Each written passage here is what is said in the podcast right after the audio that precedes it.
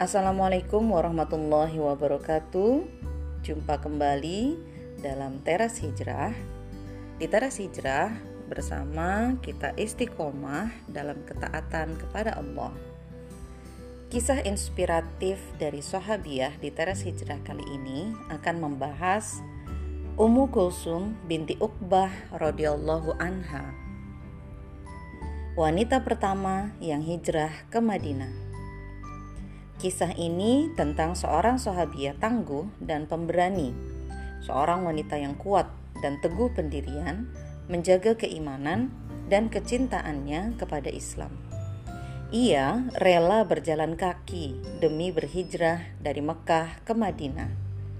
Ia rela menyusuri jalan demi wujud cintanya kepada baginda Rasulullah Muhammad Shallallahu Alaihi Wasallam. Seorang yang dilahirkan di lingkungan keluarga kafir, ayahnya Uqbah bin Abu Mu'aid adalah seorang yang keras permusuhannya terhadap Rasulullah Shallallahu Alaihi Wasallam Tatkala ia menjadi tawanan perang Badar, Rasulullah mengeksekusi Uqbah. Ibu Umi Kulsum adalah Urwa binti Karim bin Robi'ah bin Habib bin Abdus Syams, bibi dari pihak bapak dari Abdullah bin Amir. Ummu Kulsum adalah saudara perempuan seibu dari Utsman bin Affan radhiyallahu anhu. Ketangguhan Ummu Kulsum tampak ketika ia berbaiat kepada Rasulullah Shallallahu Alaihi Wasallam dan ikut berhijrah ke Madinah. Ia termasuk perempuan pertama yang ikut berhijrah dari kabilah Hadnah Hudaibiyah. Berita perihal masuk Islamnya Ummu Kulsum sempat terendus oleh keluarganya. Dalam riwayat Ibnu Sa'ad dinyatakan, Perempuan-perempuan itu keluar dari Mekah setelah perjanjian Hudaibiyah disepakati. Hanya saja, kepergian Ummu Kulsum dibuntuti oleh dua saudara laki-lakinya, Al-Walid dan Amarah. Mereka berdua bergegas menuju Madinah lalu menjumpai Rasulullah Shallallahu alaihi wasallam seraya berkata, "Wahai Muhammad, penuhilah syarat perjanjian yang telah engkau sepakati dengan kami." Ummu Kulsum menyela, "Wahai Rasulullah, apakah engkau tega mengembalikanku kepada orang-orang kafir yang telah menghalangi keislamanku dan aku tidak tahan lagi untuk tinggal bersama mereka?" Padahal engkau tahu kelemahan kaum wanita untuk membela diri. Saat itulah turun firman Allah Ta'ala yang berbunyi, "Hai orang-orang yang beriman, Apabila perempuan-perempuan yang beriman datang berhijrah kepadamu, maka hendaklah kamu uji keimanan mereka. Allah lebih mengetahui tentang keimanan mereka. Maka, jika kamu telah mengetahui bahwa mereka benar-benar beriman, maka janganlah kamu kembalikan kepada suami-suami mereka, orang-orang kafir. Mereka tidak halal bagi orang-orang kafir itu, dan orang-orang kafir itu tidak halal pula bagi mereka. Quran Surat Al-Mumtahanah ayat yang ke-10.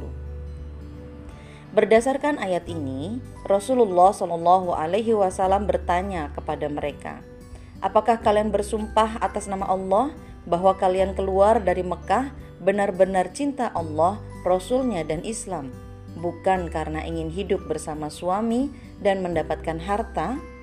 Jika mereka menjawab iya, maka beliau tidak menyerahkan mereka kepada orang-orang kafir. Selanjutnya, Rasulullah berbicara kepada Al-Walid dan Al dan Amaroh bin Uqbah. Allah telah membatalkan perjanjian itu untuk para wanita dengan alasan yang sudah kalian ketahui. Karena itu, pergilah kalian berdua. Setelah hijrah penuh berkah dan pengorbanan, karena harus meninggalkan keluarga dan tempat kelahiran demi meraih ridho Allah Subhanahu wa taala, Ummu Kulsum radhiyallahu anha tinggal di Madinah dengan senang dan bahagia. Selama tinggal di Mekah, Ummu Kulsum belum menikah. Hingga setibanya di Madinah, ia dinikahi oleh Zaid bin Harisah radhiyallahu anhu. Tetapi kemudian Zaid menceraikannya setelah itu ia dilamar dan dinikahi Abdurrahman bin Auf radhiyallahu anhu.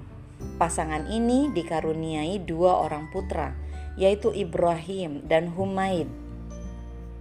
Setelah Abdurrahman bin Auf meninggal, Amr bin Ash radhiyallahu anhu menikahinya. Namun tak lama kemudian Ummu Kulsum radhiyallahu anha meninggal. Itulah rumah tangga Ummu Kulsum radhiyallahu anha. Berhijrah demi menggapai cintanya kepada Allah dan Rasulnya. Meski bernaung dalam keluarga kufur imannya terhadap Islam tak dapat ditukar dengan apa pun.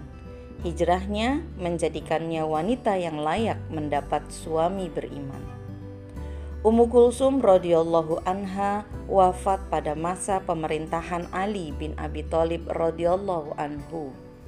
Jasadnya boleh berpulang, namun kisah hidupnya menginspirasi wanita akhir zaman. Ummu Kulsum telah meriwayatkan 10 hadis. Hadis darinya diriwayatkan lagi oleh anaknya Humaid bin Abdurrahman bin Auf. Salah satu hadis yang dia riwayatkan adalah aku mendengar Rasulullah Shallallahu Alaihi Wasallam bersabda, tidaklah dianggap sebagai sebuah kedustaan apa yang ditujukan untuk mendamaikan pertikaian antar umat manusia. Apa yang dilakukan untuk tujuan tersebut merupakan tindakan yang sangat terpuji. Mutafak alai. Demikian kisah inspiratif hari ini dari Teras Hijrah. Semoga bermanfaat dan menambah semangat kita untuk hijrah karena Allah. Billahi taufiq wal hidayah. Wassalamualaikum warahmatullahi wabarakatuh.